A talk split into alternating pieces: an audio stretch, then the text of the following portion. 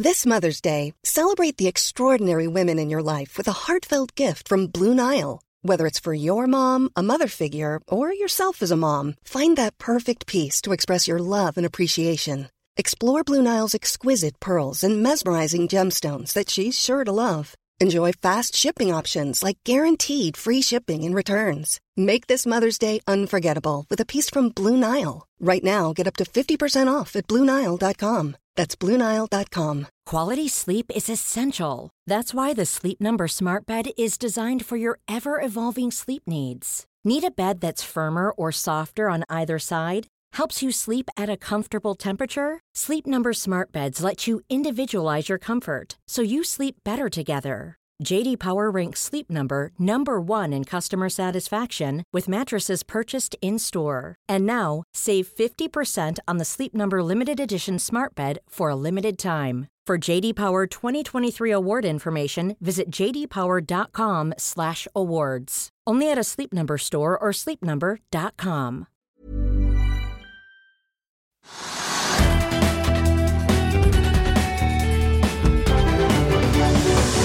riktig god torsdag alle sammen, og velkommen til Økonominyhetene her hos oss i Finansavisen. Mitt navn er Marius Lorentzen, og vi har kommet til 11. januar. Vi er bare noen sekunder unna å få de amerikanske inflasjonstallene for desember.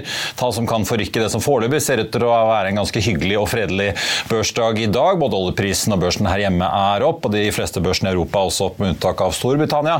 Vi får med oss eh, sjefen i Sokkeldirektoratet i dag, Torgeir Stordal, som er ute med sine siste prognoser. Vi skal også snakke med AY, som er ute med sine ferske oversikter over dealene i næringslivet på tampen av 2023, og hva vi kan forvente oss av det nye året også.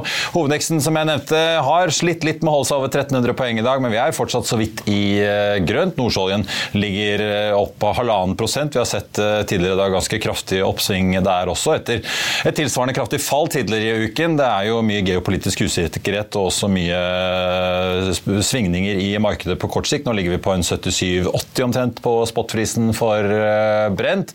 I Europa så er det jo da stort sett positivt, etter en også veldig positiv utvikling i Asia i morges. Vi så Nikkei-indeksen i Asia ende opp 1,8% og den er jo på nivåer vi ikke har sett siden 1990.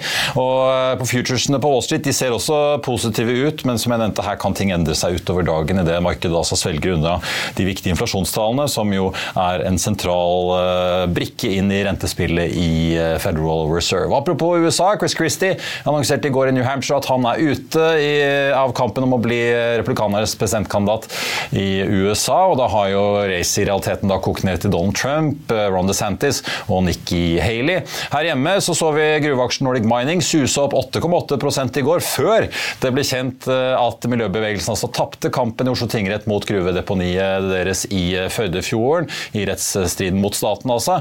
I dag er aksjen faktisk ned 6,5% så den svinger også kraftig. Vi har fått en ny sparebankfusjon i dag også, etter flere fusjoner, inkludert hos Sparebanken SR eh, tidligere i år og i fjor.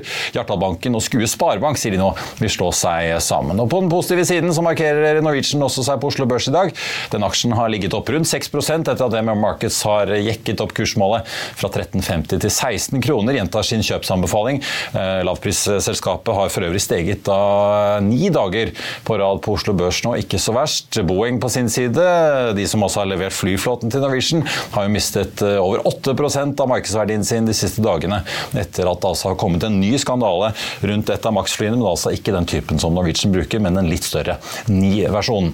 Det har kommet ny finansdirektør i Norske Skog. Tord Steinseth Torvund er utnevnt etter at Rune Solli har meddelt at han ønsker å fratre. og Vi har fått ny toppsjef også i Finner i dag. Jeg tenkte bare å nevne, Vi har fått CPI-tallene for eh, desember måned i USA. Ser ut til å ende noe eh, høyere enn ventet. KPI-en endte på 3,4% var ventet 3,2 etter at vi så et nivå på 3,1 på årsbasis da tilbake i november. Kjerneinflasjonen krøp eh, litt ned fra november, hvor vi så fire blankt. Nå ligger vi på 3,9, men det var ventet en litt eh, kraftig nedgang da til 3,8. Fortsatt eh, positive futures på Wall Street, men de er noe fallende, får vi si. Så skal vi se hvordan det går når børsen åpner om en 54 minutter. Høy aktivitet og høye investeringer, ja, det er overskriften det tidligere Oljedirektoratet, nå Sokkeldirektoratet, bruker når de skal oppsummere sokkelåret 2023. 2023. Og de sier at det også blir god fart inn i 2024, for selv om det var en del vedlikehold som bremset produksjonen av olje og gass i sommer, så var det skikkelig fart utover høsten, og det ble faktisk satt eksportrekord i en enkeltmåned i desember. Nå har jeg med meg Torgeir Stordal, direktør i det nyomdøpte Sokkeldirektoratet fra Stavanger. Takk for at du er med oss, og godt nyttår. Ikke måte. Eh, Torgeir, kanskje vi skal begynne med litt produksjonen. fordi at jeg ser jo, Dere regner jo fortsatt med en produksjonstopp her i landet i 2025 før det begynner å tikke nedover. Men det ser ut til at dere har skudd tallene litt ned fra rundt 4,3 millioner fat olje og gass om dagen til 4,19 oljeekvivalenter. Eh, kan du si litt om eh, hva som eh, har gjort disse endringene? Altså, det er jo en del forsinkelser på en del feltutbygginger. og Det er en del eh, felt som kommer forsinka i drift. Eh, samtidig så er det en del eh, produksjonsbrønner som ikke har levert som forventa. Det er hoved, hovedårsaken til at vi, en del produksjon kommer litt seinere. Vi får fortsatt en topp i 2025, men det blir nok noe flatere kurve framover. Jeg ser jo Johan Castberg særlig skal bidra til at vi faktisk når denne toppen i 2025. Et felt som jo har oppe i Barentshavet altså, da, som uh, har ligget litt uh, bak skjema og slet både før og under uh, pandemien. Men norsk sokkel har jo overrasket tidligere ved å motbevise pessimistene. Men er dette den endelige toppen før vi begynner å se en, en eller annen form for solnedgang på norsk sokkel i de kommende ti årene, tror du? Eller kan vi risikere at vi får enda en berg-og-dal-bane-tur opp? Ja, Det, det gjenstår å se, men altså med det vi vet i dag, så er det sannsynlig at den toppen i 2025 eh, er den siste. Eh, vi har jo ulike, vi har eh, sett for oss ulike baner fremover, men i alle disse scenarioene så er det sannsynlig at det går nedover til 2025. Og så er det jo klart Hvor bratt det vil gå, det er jo avhengig av både om man gjør nye funn, og om disse funnene blir utvikla fremover. Vi har jo sett et par interessante transaksjoner den siste tiden, så det er jo åpenbart interesse for norsk sokkel fortsatt. Vi har sett britiske Harbour komme inn og kjøpe Winters Aldea. Pignig fra Polen tar over eierandelene til uh, Kufbek i Kuwait. Jeg ser at dere også oppmuntrer til mer leting her. Kan du si litt om hva det er dere etterlyser? Ja, altså For det første så vil jeg jo si at leteaktiviteten er høy. og det har jo eh, Helt tilbake til 2007 så har vi hatt over 30 brønner på sokkelen, selv i de årene hvor bransjen har, har lagt nede. Så eh, det er jo kjempepositivt. Og, og leteaktiviteten fortsatte jo i, i, i, å være høy i fjor, og, og, og faktisk ser vi en økning i år. Så ser vi at eh, den aktiviteten som eh, skjer nå, er jo veldig fokusert rundt infrastruktur. Og det er jo viktig at det blir lett rundt infrastruktur, men så fortsatt er i drift. Samtidig så skulle vi nok sett at det var litt flere, eh, litt mer fokus på de mindre kjente områdene. Det er fortsatt store oppdagede ressurser på norsk sokkel. og Skal vi realisere store deler av ressursbasen der, så, så må vi lete litt mer i de mindre kjente områdene. Men da er det jo veldig positivt at neste ja. Neste år, så, eller I år mener jeg, så vil det jo bli mellom åtte og ti letebrønner i Barentshavet. og Det er jo kjempepositivt.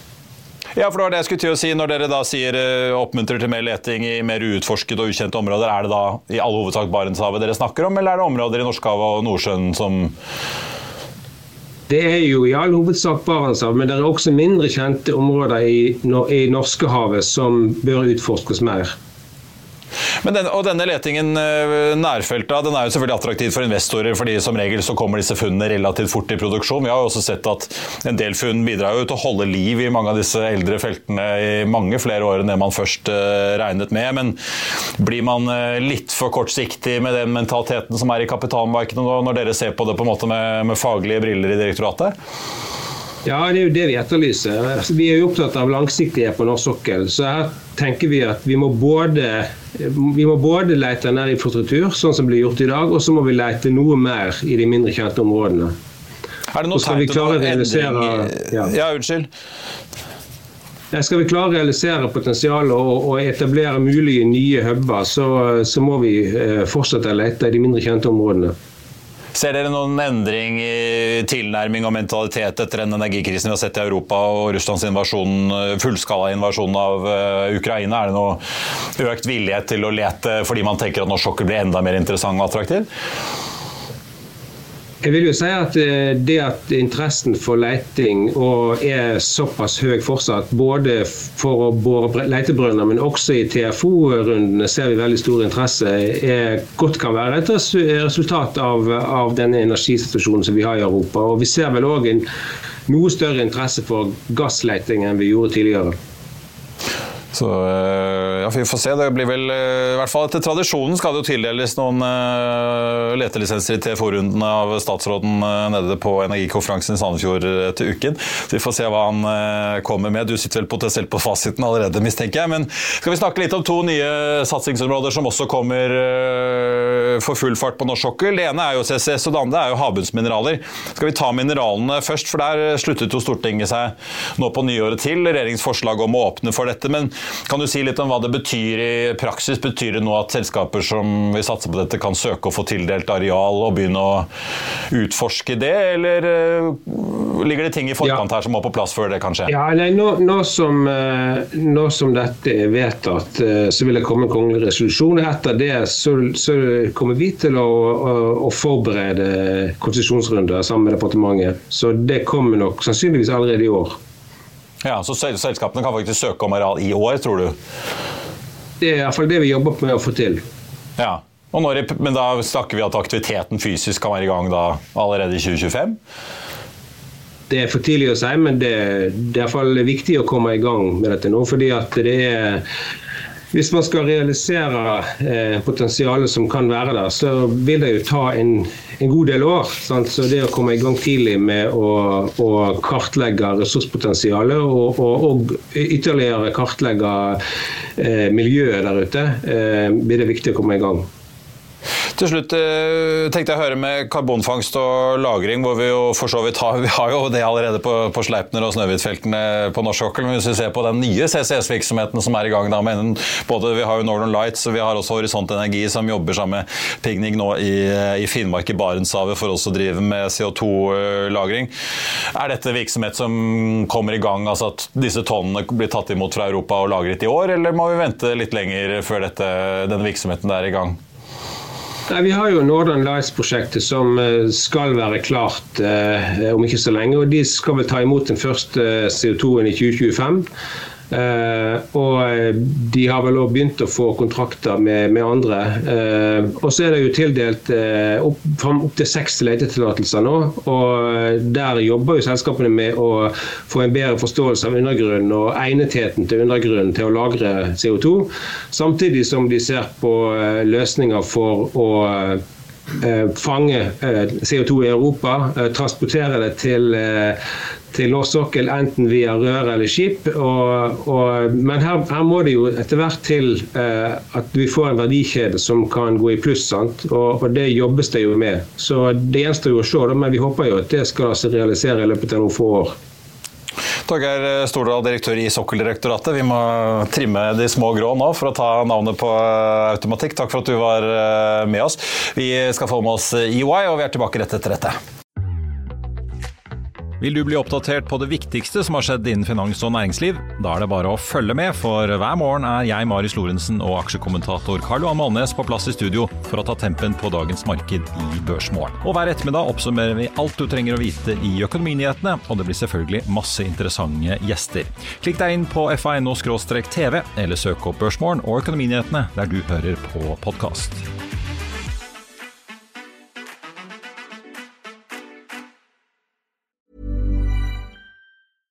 Hiring for your small business? If you're not looking for professionals on LinkedIn, you're looking in the wrong place. That's like looking for your car keys in a fish tank.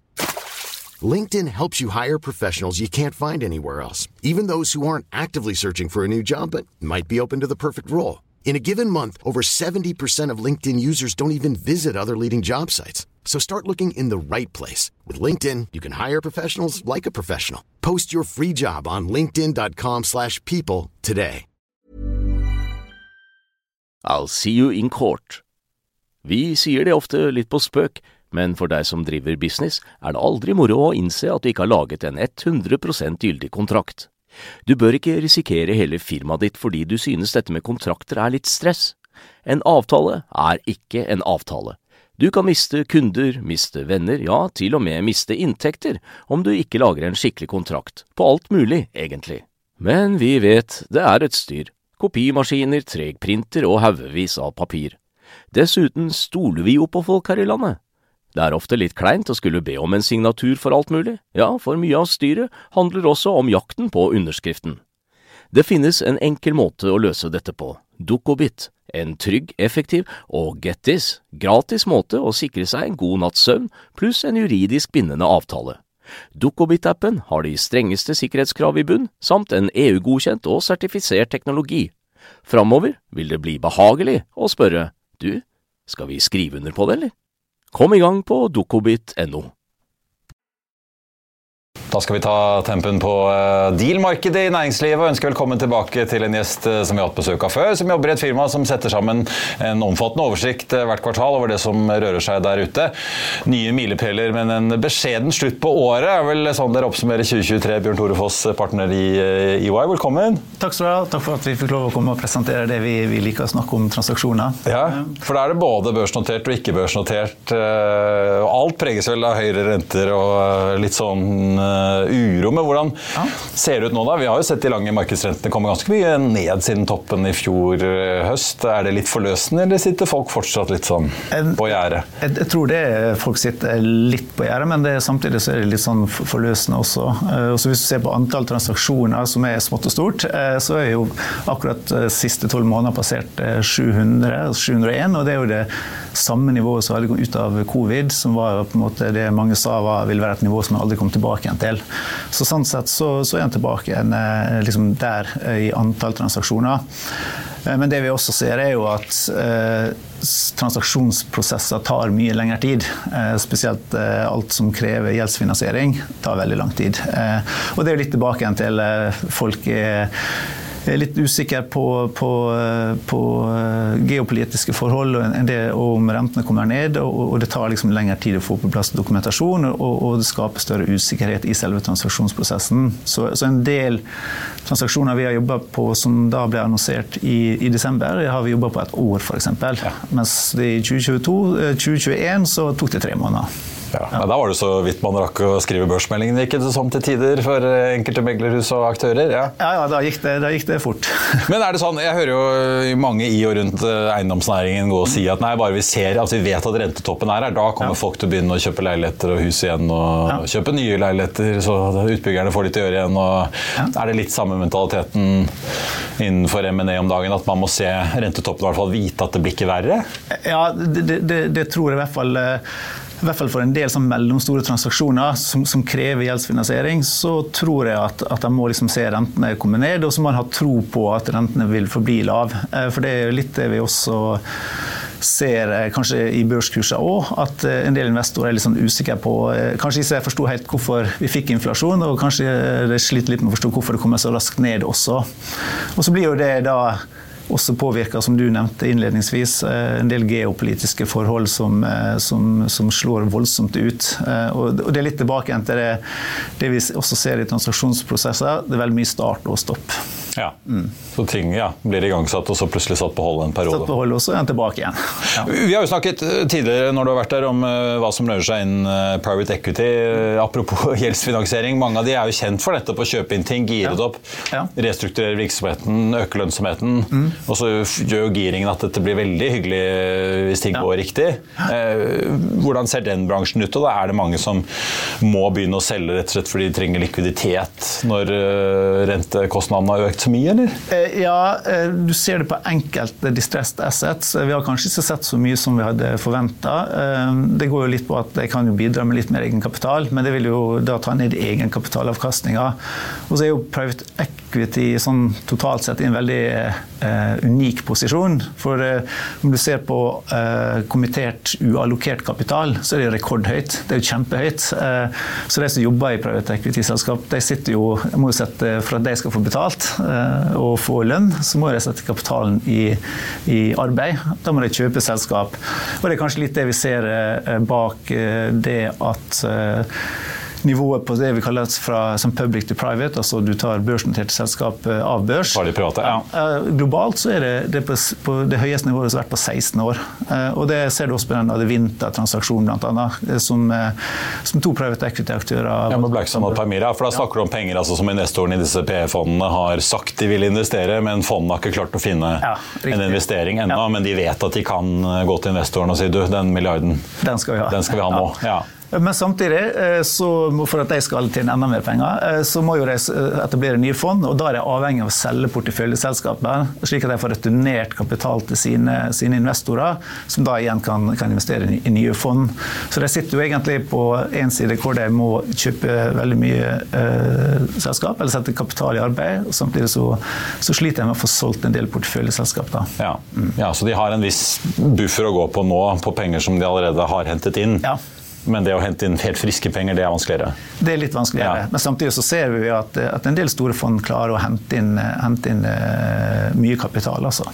Men apropos uh, Adevinta, det er jo nesten så Kristin Skogen Lund og Skipsted uh, har stått for halve rapporten her i år. For ja. en ting er jo uh, salg av masse Adevinta-aksjer til Blackstone ja. og Permira. Ja. Men så har de jo spunnet ut mediedivisjonen uh, att på toppen av det. Og de har vært involvert i å kjøpe opp 10% av Viaplay, er det vel. Nå er vel ikke den posten som vi har vært lenger, men, men likevel. Det kommer jo noen sånne veldig store bølger da, som kanskje forrykker liksom, statistikken på kvartalsbasis her litt? Ja, i antall transaksjoner så, så gjør de seg men verdi så gjør det absolutt. Altså.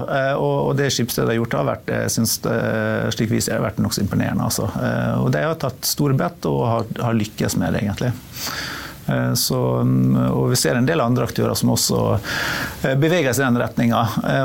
Litt tilbake til private equity, så liker jo de å, å kjøpe sånn, det vi kaller for utskilte virksomheter fra større, større konsern. Og sånt. Vi har snakka om tidligere, men det Norsk Hydro gjorde, og en del, del andre store aktører. Så klart ja, Du tenker på altså, Hydro Rein med Macquarie, altså den fornybar-delen? Ja. ja. Så, så, så, så, private equity er også en aktiv spiller i det, i det, det segmentet der. Da. Og vi har jo, nå nevnte jeg riktignok ikke så store sparebanker, da, men vi har jo også begynt å se litt på bank. Dere har jo fått med dere SR Bank-fusjonen i transaksjonen her også. Ja. Skal du tro bankfolk, så kommer det jo kanskje mer. Litt avhengig av om folk blir enige om man får geografien til å fungere og sånn, men eh, det virker ja. som bankene også konsoliderer seg en del? Ja, i hvert fall sparebanker ja. Eh, konsoliderer seg absolutt, altså. Eh, og der har vi sett Du nevnte jo en nå tidligere i sendinga har det vært et par andre som også er annonsert et, i tillegg til den som vi nevner i vår rapport. Så, så, det er absolutt et marked hvor vi ser større konsolidering innenfor spesielt sparebanker. Ja, mm. og attpåtil notert også blant de største. Hvis man nye eiere og Aker ja. kjøper seg opp i Solstad, det er jo en litt uforløst situasjon, så vi får se hva som, ja, eh, ja, som, skjer der. Er det noe andre du vil trekke frem som liksom interessante transaksjoner som vi har sett nå den siste tiden? Eh, nei, eh, det er kanskje mindre transaksjon, men du nevnte jo eh, med, med sokkeldirektøren eh, det her innenfor olje og olje og gass. Vi har jo sett at utenlandske aktører er interessert i norsk oljeservice. Blant annet så har jo Eh, Hightech Vision klart å selge en del av Moreld-selskapene sine, som de har slitt med, kanskje slitt med, men som har i hvert fall tatt lang tid å selge. Eh, så vi ser en økt interesse fra utenlandske investorer for norsk oljeservice. Og Berenberg er en av de to børsnoteringene vi hadde i fjerde kvartal. Oljeserviceselskap. Mm. Ja. ja, eh, det er det. Og så er det også mye transaksjoner innenfor ren oppstrøms, som du også nevnte. Ja, mm. ja da, Wintershall ble jo snappet opp av britiske Hubber. Ja. Hva med liksom 2024 eh, nå, da? Ikke veldig mange børsnoteringer i eh, fjor. Nå har vi fått et eh, rentefall, så vi om vi ser rentetoppen snart fra sentralbanken. Inflasjonen ser ut til å være i hvert fall på vei ned. Ja. Så får vi se om Nicolai Tangen får rett i at den siste biten ned til 2% blir veldig seig å bli kvitt. Kronekursen har svekket seg. Hva tror dere om hva vi vil se nå inn i 2024, da? Ja. Eh, som vi har i vår rapport, i det korte bildet så vi, vi ser vi på liksom nyåpna datarom i admin-kontroll. Eh, det er en enkel indikator, men, men, den viser i hvert fall at eh, kanskje i første kvartal så blir det litt mindre aktivitet. Eh, men samtidig så ser vi, har vi tro på sånn teknologiselskap. Nordiske teknologiselskap er, er, veldig attraktive for utenlandske eiere. Sånn mellomstore, eh, spesielt private equity, er veldig interessert i det. Eh, og Der så vi bl.a. Montero, som egentlig er basert ut av Sverige. Det solgte jo tre selskap i desember alene, som er nokså nok bra. Eh, men så har du alt det geopolitiske som, som påvirker sånn si det, det, mellomlange bildet. Sånn du har jo en presidentkandidat som, som, ønsker at økonomien i USA skal gå down the drain. Så, så, så det er litt sånn spesielle tider. Ja, Så ikke Joe blir uh, gjenvalgt. Men uh, ja, dere må disse datarommene, som jo er selskaper som åpner uh, på litt gammeldags, åpner bøkene sine da, for ja. at mulige kjøpere kan komme og se hva som egentlig finnes på innsiden. Ja. men er det mye, mange ting som er satt på vent, som kanskje ikke plukkes opp av det som hvor man egentlig har vært inne og sett på regnskapene, man bare vil ikke gjøre det nå. Men hvis forholdene og makroforholdene løsner litt, så slår man til? Ja, vi opplever litt økt henvendelser i forhold til eh, å starte sånn tidlig sondering for mulige børsnoteringer. Eh, nå sitter vi på fullstendig oversikt over markedet, men, men, eh, vi noterte at Goldman Sachs i forrige uke kommenterte på at de aldri har opplevd så mange selskaper henvende seg for, som ønsker å børsnotere seg rundt omkring i verden. Og det er jo en indikasjon på at flere eh, kanskje i det mellomlange siktet har, har, god tro på fremtiden, og spesielt det markedet for børsnoteringer. Og kanskje mange som ønsket, men ikke kunne gå på børs? Ja. Så det bygger seg opp en liten buffer? Det, det, det er noe riktig. Også hvis du ser på historiske data, så er jo på, sånn, på, på, på transaksjoner så er jo sånn antall børsnoteringer en god indikasjon for transaksjonsmarkedet. For det, det, har litt med prising å gjøre, og det, du får på en måte en indikator over hva forskjellige typer selskap kan være verdt. Og Da er det lettere for aktører i, i det, vi kaller for privatmarkedet til å, til å prise selskap og, og, bli enige om en kjøpesum. Da. Jeg vet ikke hva slags innsikter dere har i eiendom, men eh, vi hører jo mye rykter om at det jobbes ja. veldig mye på kammerset, særlig med disse syndikatselskapene som ja. eier mange næringsbygg rundt omkring. Mm. Nå har vi jo ikke sett belegget på kontoreiendom gående like mye i Norden som vi har sett i typ London og en del amerikanske byer. Men forventer dere mye eh, transaksjonsaktivitet der? Vi så jo Norwegian Property snappe opp Telegrafbygget her i høst. Eh, og det gjøres så mange mindre dealer òg, vet vi. Ja. Det, kommer mye eiendom til å skifte hender i år, tror dere? Eh, vi, vi, tror altså, det, Eller refinansieres, eller Ja, ja, ja refinansiering tror vi absolutt. Og så skal, skal, skal, øke fra i fjor, så er det så vanskelig å spå. Det skal så mange til før det, ja. være oppe. Men, men, jeg tror nok det vil se en økt aktivitet innenfor for, for eiendom også. Eh, absolutt. Og, og, vi vet at flere, flere jobber med bl.a. refinansiering og også mulig, mulig oppkjøp også. Da. Men igjen, en, eh, det må finnes eh, en, en pris som man blir enige om. Vi får se hvor eh, mye banken maser og hvor presset finansene finansen eh, blir. Og så ikke minst om det blir mer enn to børsnoteringer i første kvartal ja. etter Berenberg og Norconsult, som var den andre på tampen av året. Bjørn Tore Foss i EY, tusen takk for at du kom til oss. Jeg tenkte bare på tampen å nevne at hovedindeksen på Oslo Børs har snudd så vidt i minus mens vi har sittet her og pratet ned 0,2% nå til 12,95. Vi så jo faktisk 1302 på det meste tidligere i dag. Futures Wall Street har også snudd til rødt nå, om ikke så veldig mye, da, i hvert fall, men litt. Vi lå ganske positivt an tidligere, men så kom jo da disse inflasjonstallene for desember måned fra amerikanske myndigheter som eh, ser ut til å ligge høyere enn det som var ventet i forkant. Så får vi se hvordan eh, Wall Street går utover dagen. Det var jo relativt positivt i går. I Finansavisen i morgen så kan du lese Trygve Egnars leder om at sentralbanksjefen ikke sover på jobb. Det blir en ny utgave av Kapital, der du bl.a. kan lese om inntoget av masse nye LNG-prosjekter fra både Midtøsten og USA, som kan få Norges gassinntekter til å falle i årene fremover. Du kan lese om hvorfor DNB Markets også spår en takeoff i Norwegian-aksjen, og du kan lese om norske investorer som har shoppet i en svensk kriseaksje i eiendomssektoren. Da er vi ved slutten av denne sendingen. I morgen er det fredag, så da er vi på luften igjen her i Økonominyhetene 13.30. Før den tid så er det Børsmorgen 08.55. Da skal vi snakke biotek. Og i mellomtiden så får du som alltid siste nytt på fa.no eh, utover ettermiddagen og kvelden, inkludert da hvordan det går i eh, det amerikanske markedet. Mitt navn er Marius Thorensen, Tusen takk for at du så eller hørte på. Ha en riktig god torsdag alle sammen. Vi ses.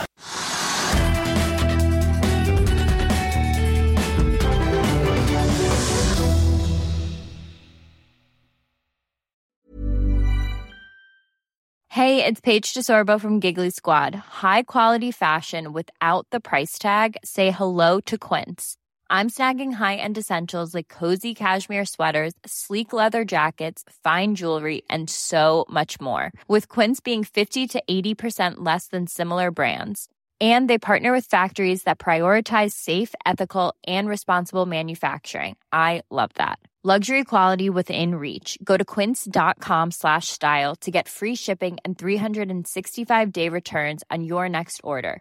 quince.com slash style.